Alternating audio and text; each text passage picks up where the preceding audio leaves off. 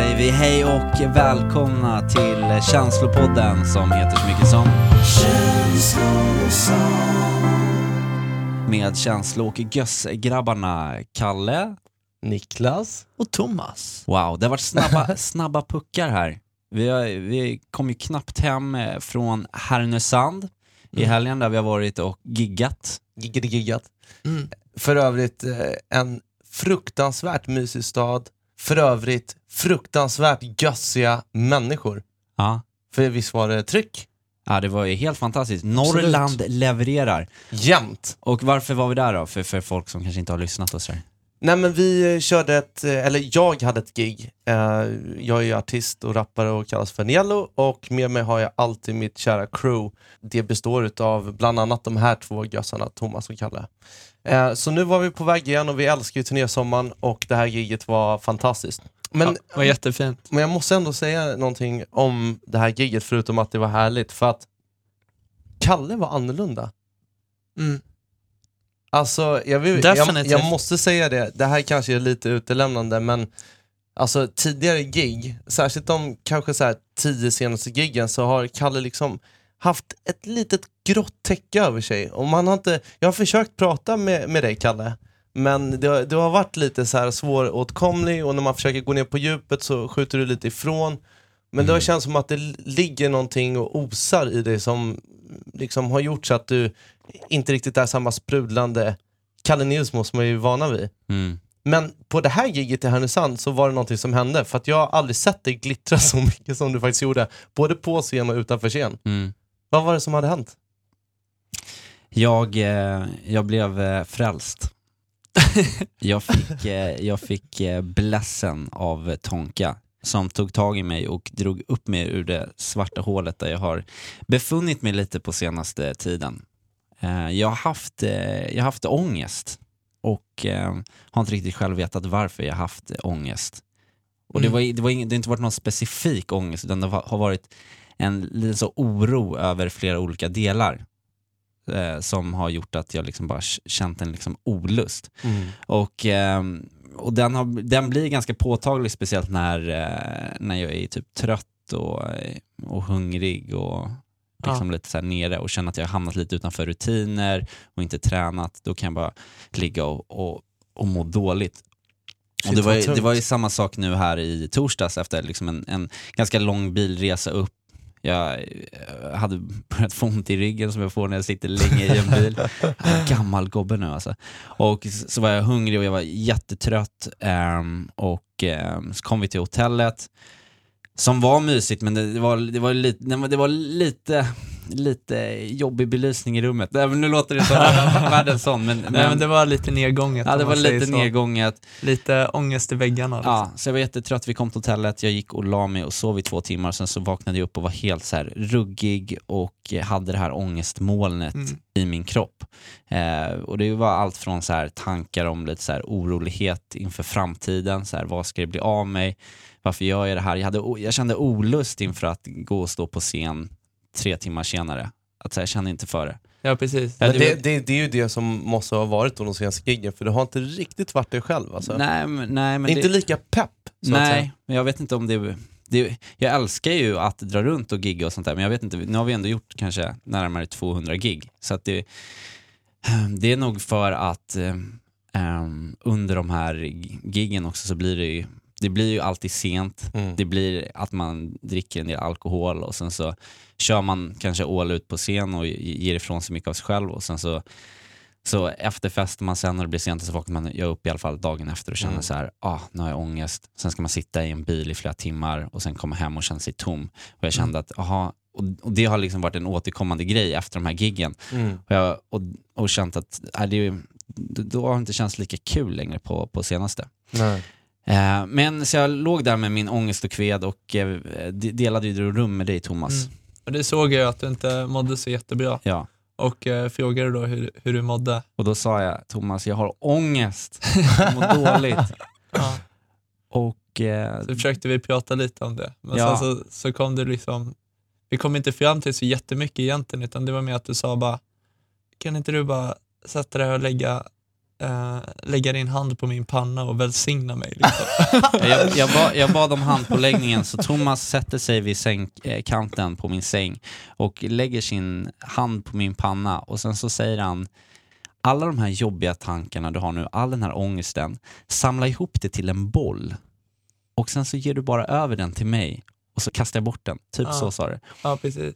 Och när man liksom hade den här bollen i handen så skulle man kolla på den och liksom se hur, hur jävla patetisk den är egentligen. Det är ju bara en känsla liksom. Ja. Som man bara kan kasta iväg rakt i sopan liksom, på två säck.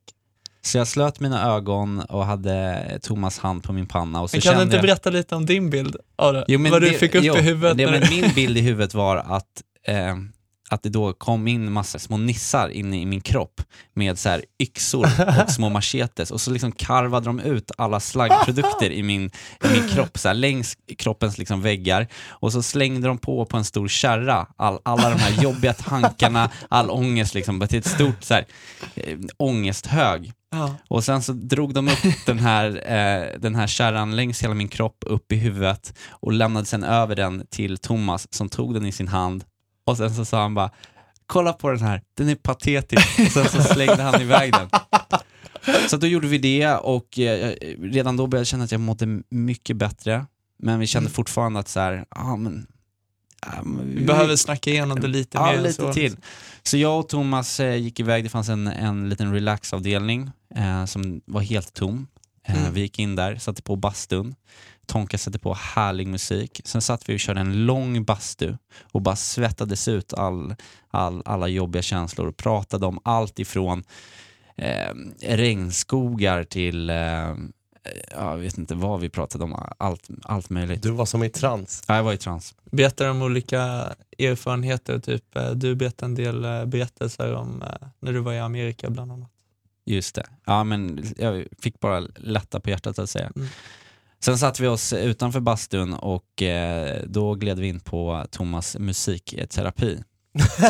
alltså han, han, Fas 2! han, spelade, han spelade ett antal låtar och, och så sa han bara att nu ska vi gå in i de här låtarna.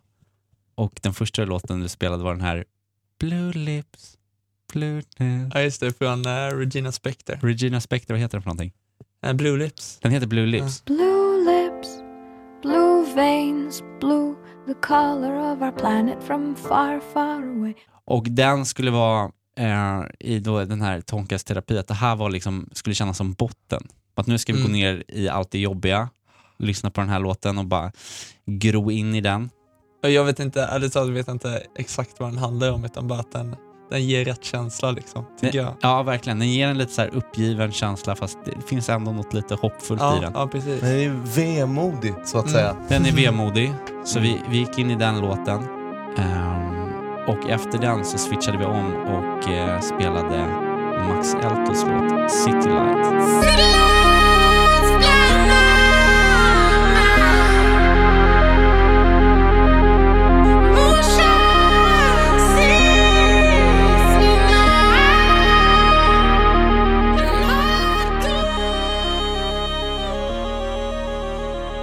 den långa versionen. ja, extended version. Eh, Jag kan rekommendera alla som vill eh, prova på det här med musikterapi, eh, som är någonting som vi har kommit på här och nu, att lyssna på den låten. Eh, för att den är, den är magisk.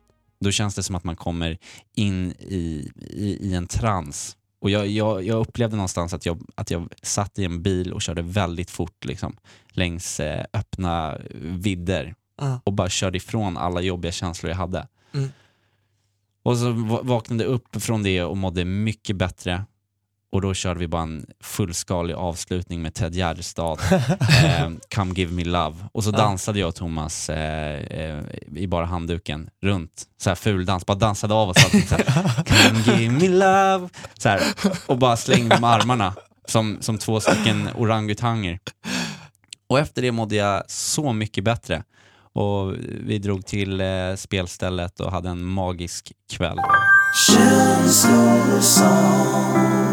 Men det är nog Faktiskt. som, som Kalle säger, bara att ibland behöver man bara någon att bolla med och lite så här draghjälp ibland. Och någon som framförallt kan plantera den här placeboeffekten. Ja. ja, men det är som att du går in i den här karaktären i Green Mile och så här, Kalle spottar ut de här äh, ångestflugorna och du suger in dem i munnen. Ja.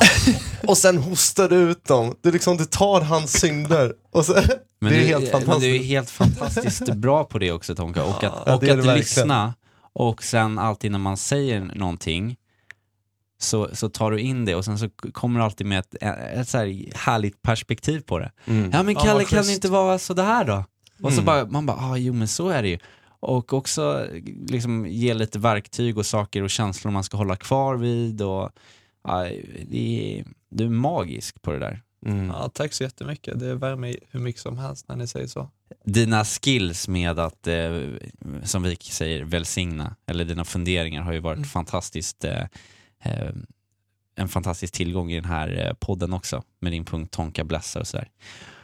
Så det är ju därför som vi nu har väldigt mycket eh, sorg i våra hjärtan, Mm. för eh, du har någonting som du vill berätta, Tonka. Ja, och det är att jag bestämt mig för att eh, sluta i podden. Nej! Ah, nej, Tonka. Mm. Eh, alltså jag, jag tycker verkligen att det var ett, eh, en fantastisk upplevelse eh, och jag är så glad liksom, att, att få vara med och, och spela, ha spelat in de här avsnitten. Det har betytt jättemycket. Mm. Men tyvärr så känner jag att jag liksom har begränsat med tid och kommer inte ha möjlighet att liksom vara med varje vecka i alla fall i fortsättningen. Utan att jag kanske kan ja, vara med lite, lite då och då. Mm. För jag kommer att ha ett ständigt getöga på er. Ni kommer finnas med i periferin. Eh, så det är, det är inte omöjligt att, att jag kommer tillbaka och kör en eh, Tonka Bless i framtiden. Mm. Men, eh, men just nu så känner jag att, eh, att tiden inte riktigt räcker till för att köra varje vecka. Ja, både jag och Niklas är väldigt eh, stolt över dig. Det är vi För att eh, verkligen. vi vet att det har varit, eh, ja men för oss alla har det varit en Mm. utmaning. Men kanske Ja. lite så här speciellt för dig att, att du har tyckt att det varit lite jobbigt också. Eh, Mm. Dels med tiden, du har jättemycket andra grejer som du måste göra, att få tiden att räcka till. Ja. Eh, och också det här med att eh, ja, men komma och öppna upp sig så mycket som, som du faktiskt också har gjort och vi alla har gjort och sånt där. Ja. Det är någonting som sker liksom när man ska spela in ett samtal Ja. som, eh, som är lite liksom ångestframkallande på ett sätt. Jag förstår. det. Men så därför så är det som en liksom stor utmaning att göra det här. Och jag har verkligen uppskattat och tyckt att det var jättebra. Jag känner att jag, att jag ändå har växt av det här. Mm. Eh, så det är, jag- det är jag supertacksam för. Men det är ju det är klart att, det, det är klart att vi är ledsna, men vi, vi, vi förstår dig och vi är jätte, ändå tacksamma att du ändå kommer, du kommer finnas med i periferin Mm. och som du säger, hålla ett getöga på oss. Håll ett litet, litet getöga. Ja. Men det är, ju, det är ju lite som att göra slut. Ja, det kan man. Fast typ på det bra sättet. För att, alltså ni vet när man är ihop med en tjej eller kille och sen så gör man slut. Men man får ändå ha kvar personen i fråga som kompis. Så Du försvinner ju inte från våra liv, vi kommer ju antagligen att hänga, eller vi kommer ju hänga precis lika mycket som vanligt. Det är bara, det, det är bara den här eh, timmen, höll på att säga, men det brukar ju ta tio timmar för oss att spela in, eh, som, som du kanske inte, eller som du inte kommer vara med då. då. Nej, precis. Eh, Och det men- känns ju lite jobbigt också att inte få liksom, vara med i den gemenskapen. För att det är ju faktiskt eh, det är det som har varit det bästa med podden, liksom, när vi väl sitter här Mm. och spelar in. Alltså det är ju, det är ju superintressant och liksom, det är en härlig gemenskap. Det är liksom tiden runt om som är eh, inte lika eh, nice för mig. Men vi har ju, vi har ju både varit med om, alltså redan nu på fem sex avsnitt så har vi ju varit med om avsnitt som vi har tagit oss hela vägen ner på botten Mm. och hela vägen upp till toppen. Så jag tänkte att vi skulle klippa ihop här nu en, eh, en, liksom en liten sammanfattning av tiden som du har varit med Tonka. Tiden med Mhm. Tonka, best Okej. of. Så vi kör den nu. Spännande. Och så njuter vi. Hej och välkomna till eh, premiäravsnittet. Det är gössigt. Ja, det är bra. Ja, det är gössigt. Det är ett bättre ord än det är bra. Gössigt det är en slags eh, kombination av alla ord som är najsa. Kommentera beteendet så att personen förstår att man har registrerat eh, vad hen precis har gjort. Du öppnar lite och förhoppningsvis så vågar hon då öppna sig om du tar första steget. Nu tar du fram gitarren och ställer dig naken utanför och sjunger det finaste du kan. Du är det vackraste jag vet. tåget så blev det i alla fall till slut att, att eh, jag kom utanför gruppen och de två fortsatte. Men, eh, men det är alltid jobbigt att inte bli inkluderad. Men det känns, det känns helt, det känns helt okej för mig. Jag tänker att du så här, så här, gömmer dig under disken så här, och bara så här, krypa på golvet. Och sen kommer de och bara Hej Kalle! Och du bara kollar upp så här med Rogers ögon liksom och bara Hej! Jag bjuder på mina funderingar, men jag är endast en enkel lekman.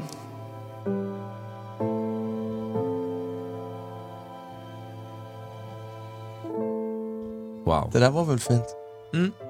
Är du, känner du inte att du ångrar dig nu? Ja, lite.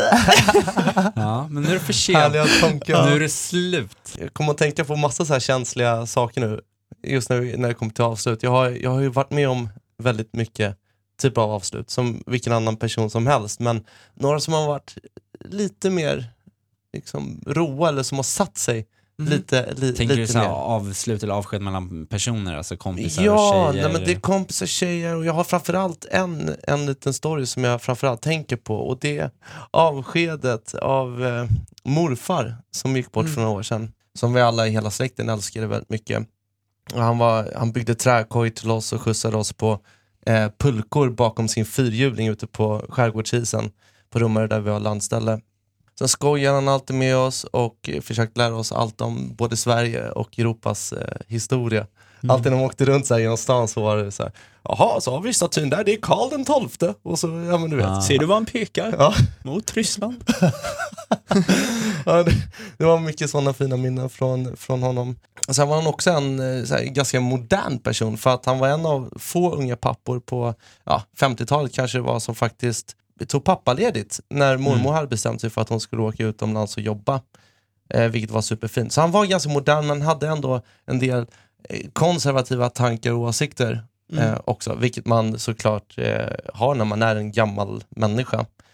Men det var en grej som tog mig ganska hårt när jag var i tonåren och det var, jag tror att det var när han fyllde 80 eller 85 så hade han en stor fest på Riddarhuset i Stockholm. Mm.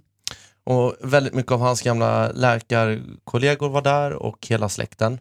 Mitt i alltihopa så reser han sig upp och så ska han hålla tal. Och det här talet är riktat till alla hans barnbarn. Med sig upp har han också en bunt med kuvert.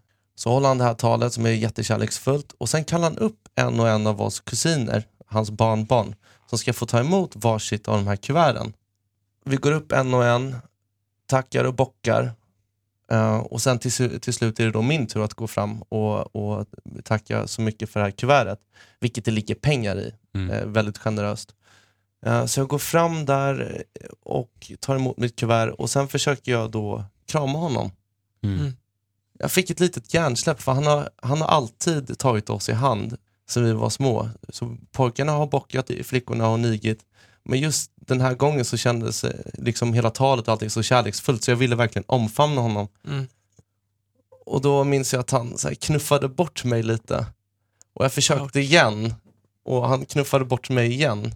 Och istället så räckte han fram handen och så skulle han liksom ta i hand istället. Och jag som var i, i tonåren då eh, kände jag att det var sjukt kränkande. Eller jag, Mm. jag tog ju väldigt illa vid mig för att det, jag var i sån utsatt position. Och det var ju Mm. han också. Det var ju hans fest och det var han som Mm. delade ut de här. Men jag tog väldigt, väldigt hårt på det. Så jag minns att jag sprang ut från Riddarhuset och, och, och grät. Och sen kunde jag liksom inte så bara damma bort den här känslan av att morfar inte ville krama mig. Jag tyckte att det var superjobbigt. Mm. Och jag bar med mig den här känslan i, i många år. Och det, var, det, det var liksom som att det gjorde så att det blev en liten barriär mellan han och mig. Så att vi, vi var inte varandra lika nära längre. Så hårt tog jag det. Fram tills den dagen då han olyckligt faktiskt fick eh, cancer i 92 års ålder. Och han lades in på sjukhus och vi kusiner och ja, eh, våra, våra föräldrar åkte dit och besökte honom mycket den sista tiden. Då kommer jag ihåg den, den sista dagen jag kom dit, för att då kom jag in eh, till hans rum och jag märkte att han hade tynat bort. Alltså en stor, stor eh, man med väldigt mycket pondus hade blivit liksom som en liten kycklingunge. Så låg han där och jag hade tagit med mig en colaflaska och en schweizernöt som jag vet att han älskar. och eh, så, så fick jag liksom hjälpa honom upp ur sängen och så pratade vi. Vilket var jättefint. Men jag, jag kände ju på mig att det här var nog sista gången jag skulle få se honom. Och ehm, eh, Så när jag skulle gå så fick jag hjälpa honom att sätta på en sån här eh, jag fick sätta på tvn och en film till honom och sen så precis när jag skulle dra mig därifrån så, så, så kramade vi varandra. och jättefint. Och sista gången jag fick träffa honom så fick jag krama honom och då hade jag haft liksom Det var jättefint. och det var sista gången, sen dog han bara några Så dog han bara några dagar efter det. Men det var, det var fan det finaste avslutet någonsin. ah, Oh, shit, ah. Men det var fan det eh, vackraste någonsin. Ja. Så här, bara på tal om fina avslut. Men han liksom. kanske hade gått och funderat på den grejen Ja, också. kanske. Mm. Och Men att vi det försonades liksom. När, när det hände i, liksom i Riddarhuset där, Ja. då var han kanske så mycket inne på något sätt i en roll och det var stort och offentligt och så kom Ja, det lite exakt. som en chock liksom för honom. Ja. För det var ett beteende som inte han liksom var van vid. Ja, eller Ja. så här, vi, ville visa upp för liksom sina läkarkollegor. Ja, och det, för, det, för, det förstod ju jag också. Ja. Men det, det tar inte bort min Nej. egen känsla. Liksom. Nej. Som sagt, jag kan verkligen förstå hans. Mm. Det, var, det var ingen stor grej för Nej, honom men jag säkert. förstår den grejen. Alltså att, att När man är det- i känslig ålder Ja, också. och att det känns som att, då, att han skäms lite för en. Även Mm. om man så här logiskt sett förstår att det inte, att det inte Mm. är så, så, så är det svårt att blun- blunda för en känsla i det sammanhanget. Mm. skulle jag också bli berörd av, alltså, Mm. absolut. Det var, men eh, superfint avslut och vad skönt att liksom få, få det avslutet Mm. innan någon eh, går bort.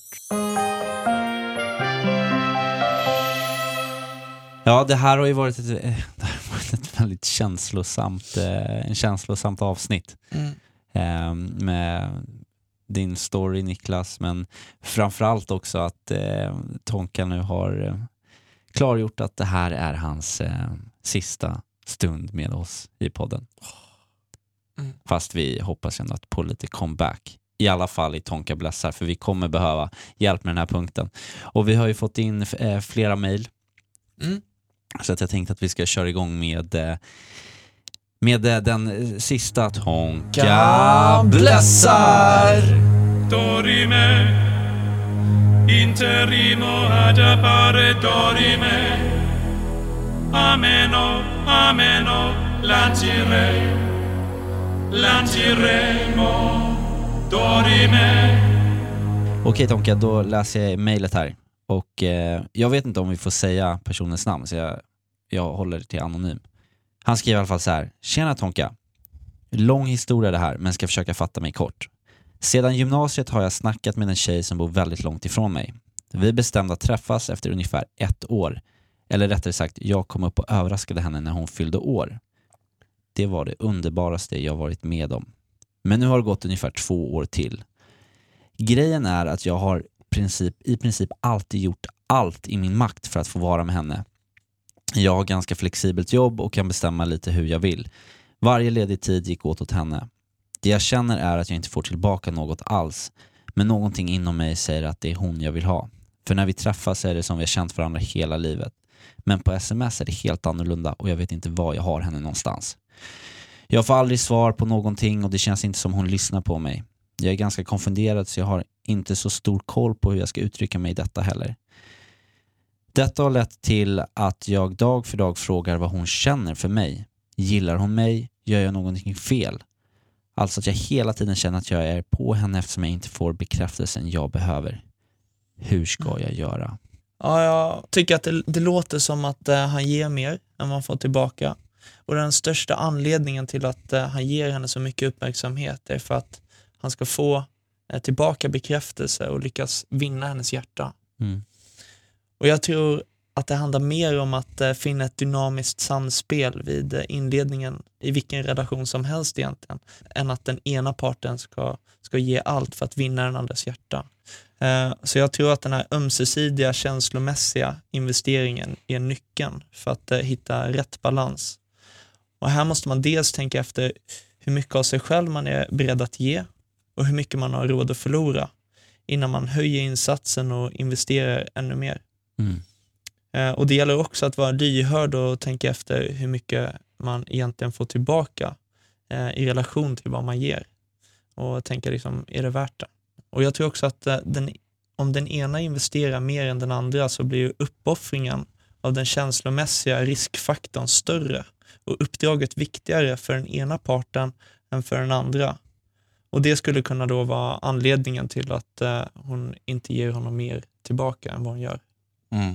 Så jag tänker lite så här att, eh, att man kan ställa en fråga till sig själv. Och det är varför, eh, ja, varför just hennes bekräftelse är så värdefull. Och, och trots att hon ger så lite tillbaka. Ja, men det är väl därför det betyder så mycket, för att hon ger så lite. tänker jag. Det är då det blir jättevärdefullt. Alltså min hypotes, den kan liknas lite vid, eh, vid gambling på ett eh, kasino. Ja. Alltså att man börjar investera sina känslor för att förhoppningsvis vinna något tillbaka. Eh, vinner man så kan man långsamt börja investera mer. Men förlorar man så kan man antingen välja att dra sig ur eller att höja insatsen.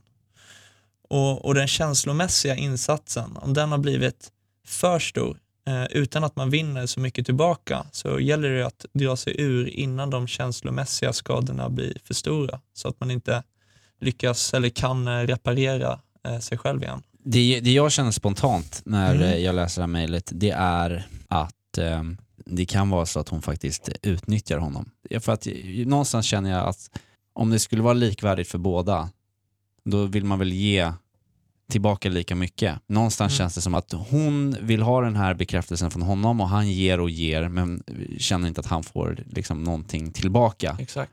och hon tycker om den här bekräftelsen så att hon, Mm. eh, liksom hon fortsätter eh, med det här. Och det är ju den här obalansen och någonting säger mig också att det här har lite att göra med mogenhet. För att jag, jag känner igen den här hierarkin, eller vad man ska säga, som kan uppkomma. Mm.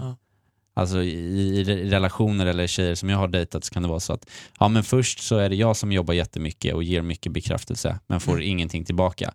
Och sen när jag till slut har känt bara, nej men nu, nu struntar jag i det här. det här, det här verkar inte leda någonstans och svänger och blir mycket kallare. Mm. Då kommer hon krypande tillbaka och ger bekräftelse till mig istället och så här, ja men ska, ska vi inte ses och hur mår du och sånt där. När de märker att Du inte ger längre. Nej, när man, Mm. när, när, när, att hon kanske tar honom lite för givet Absolut. i- teoretiskt skulle jag kunna ge det tipset, jag vet inte om det är ett bra tips, men att han faktiskt så här bara klipper lite Mm. och ser om hon då är intresserad och hör av sig till honom, att hon Ja. vill det.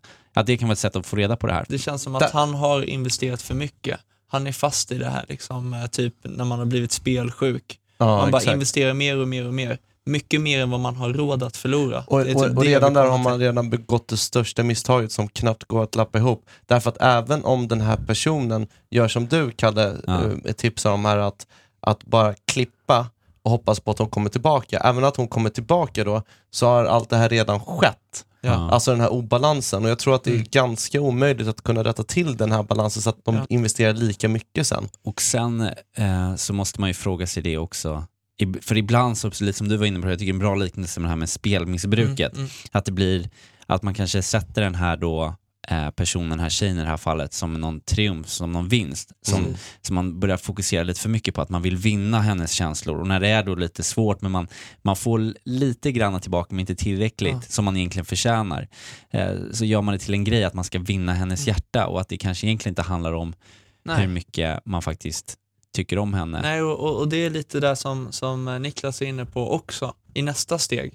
Om vi, vi säger att eh, hon blir intresserad av honom, eller mer Mm. intresserad, och de börjar hänga tillsammans. Då är det ju liksom ojämnt, det är svårt att få den här Mm. balansen. För att eh, eh, han har investerat så mycket mer än vad hon har investerat. Precis första dejten så tjänar man kanske på att investera mer, men sen bör man tänka liksom, hur mycket har jag ändå råd att förlora? Jag Ja, måste ändå precis. få tillbaka något. Man ska inte blunda för att man behöver få lite tillbaka. Liksom. Man kan Mm. inte bara ge och ge och ge. Då blir man liksom urholkad inifrån. Om vi försöker boila ner det här till några så här faktiska tips till den här killen om vad han ska Mm. göra. Är det då att eh, han ska skita i det? Eller vad, vad, vad ska han göra då i, i nu, den här situationen han befinner sig i nu? Jag, jag tycker att han eh, borde sluta att eh, investera i henne och se vad som händer. Och när du menar investera då, att han ska sluta och, och liksom söka Ja, den här sluta- bekräftelsen sluta- och skicka ja, sms? Och, exakt. Precis. Och försöka söka den bekräftelsen på annat håll. mm. Det är någonting som, det är någonting som saknas då. Han, han behöver bekräftelse som alla andra. Men han kanske kan eh, hitta den bekräftelsen på andra sätt. Ja. Mm. Typ via kompisar och familj och prata om det här med fler i sin vänskapskrets. Och det är ju lite så här, det finns inga garantier på Amors krokiga vägar. Utan, Mm. eh, men, men i framtiden, så att, att tänka på de sakerna som du sa, Tonke. Mm. Balans. Balans.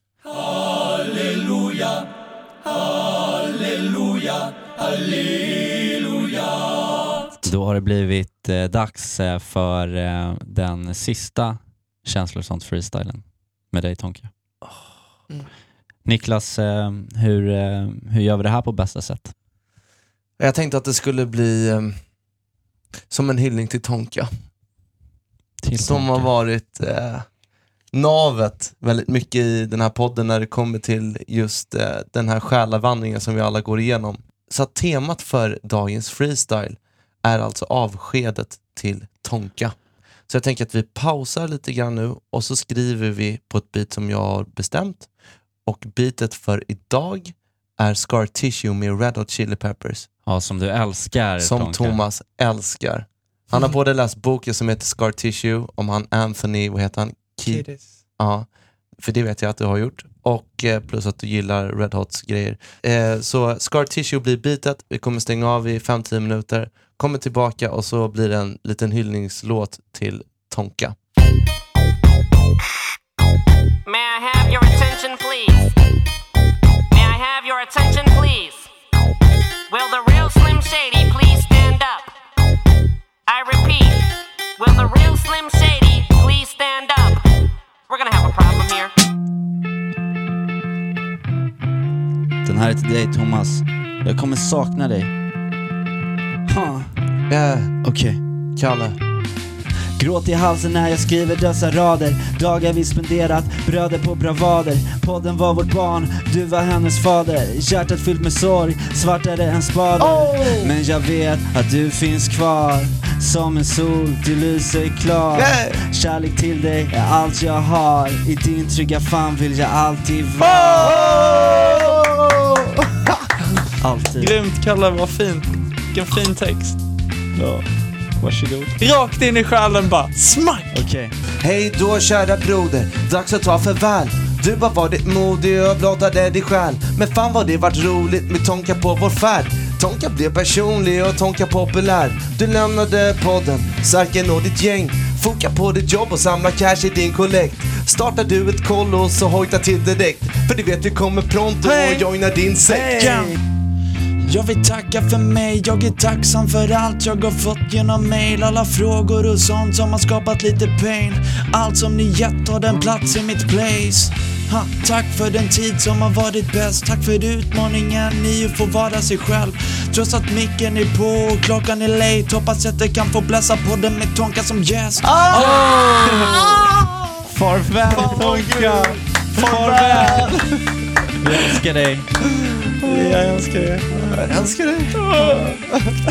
Kram. Tack så mycket. Puss puss, puss, puss.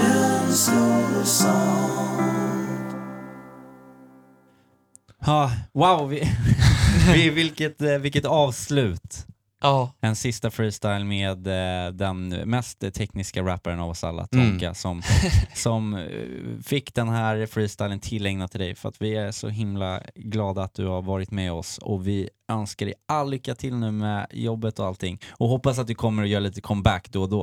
Och, eh, absolut. Tonka Blaster, att vi får bolla med dig också. Och jag vill bara säga att bara för att Tonka inte är här varje vecka så sluta inte skicka mail till oss. För både jag och Kalle kommer sitta och klura på de här mailen och försöka ge er tips om känslor och sånt och känsliga dilemman som ni är med om.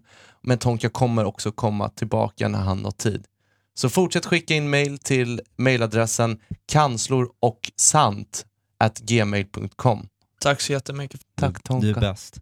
Mm. Och eh, Niklas, vi ses eh, nästa vecka och kör vidare på det här. Ja, med, Sjunkande flagg, skeppet. ja, med flaggan i topp Ja. sjunker vi Ja, tillsammans. men det blir jättekul. Nu eh, på tal om avsked, vi ska ju iväg på en annan avskedsgrej idag. Det ska vi. Vår kompis eh, Olle som ska flytta till Göteborg. Fan vad folk lämnar. Ja, Så här, det, det är ju så här i slutet av sommaren folk brukar göra slut, inte i mitten av sommaren. nej. Ja. Ja, ja. Men, Så är det. Men då, vi säger tack så mycket för idag då och så hörs vi snart igen. Och som min och Thomas farfar brukar säga när han tar en sup så säger vi likadant. Vi säger hej då! In i dimman. Did I disappoint you or let you down? Should I be feeling guilty or let the judges frown? Cause I saw the end before we'd begun. Yes, I saw you were blind and I knew I had won. So I took what's mine by eternal right. Took your soul out into the night. It may be over, but it won't stop there. I am here for you if you'd only care. You touched my heart, you touched my soul, you changed my life and all my goals. And love is blind, and my heart was blinded by you. Have kissed your lips and held your head, shared your dreams and shared your bed. I know you well, I know your smell.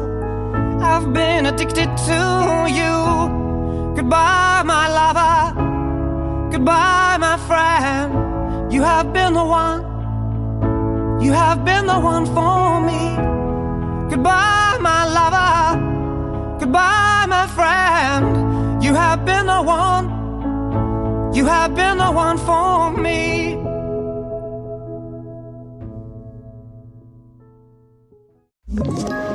Ett poddtips från Podplay. I fallen jag aldrig glömmer djupdyker Hasse Aro i arbetet bakom några av Sveriges mest uppseendeväckande brottsutredningar. Går vi in med hemlig telefonavlyssning och, och då upplever vi att vi får en total förändring av hans beteende. Vad är det som händer nu? Vem är det som läcker? Och så säger han att jag är kriminell, jag har varit kriminell i hela mitt liv men att mörda ett barn, där går min gräns. Nya säsongen av Fallen jag aldrig glömmer på Podplay.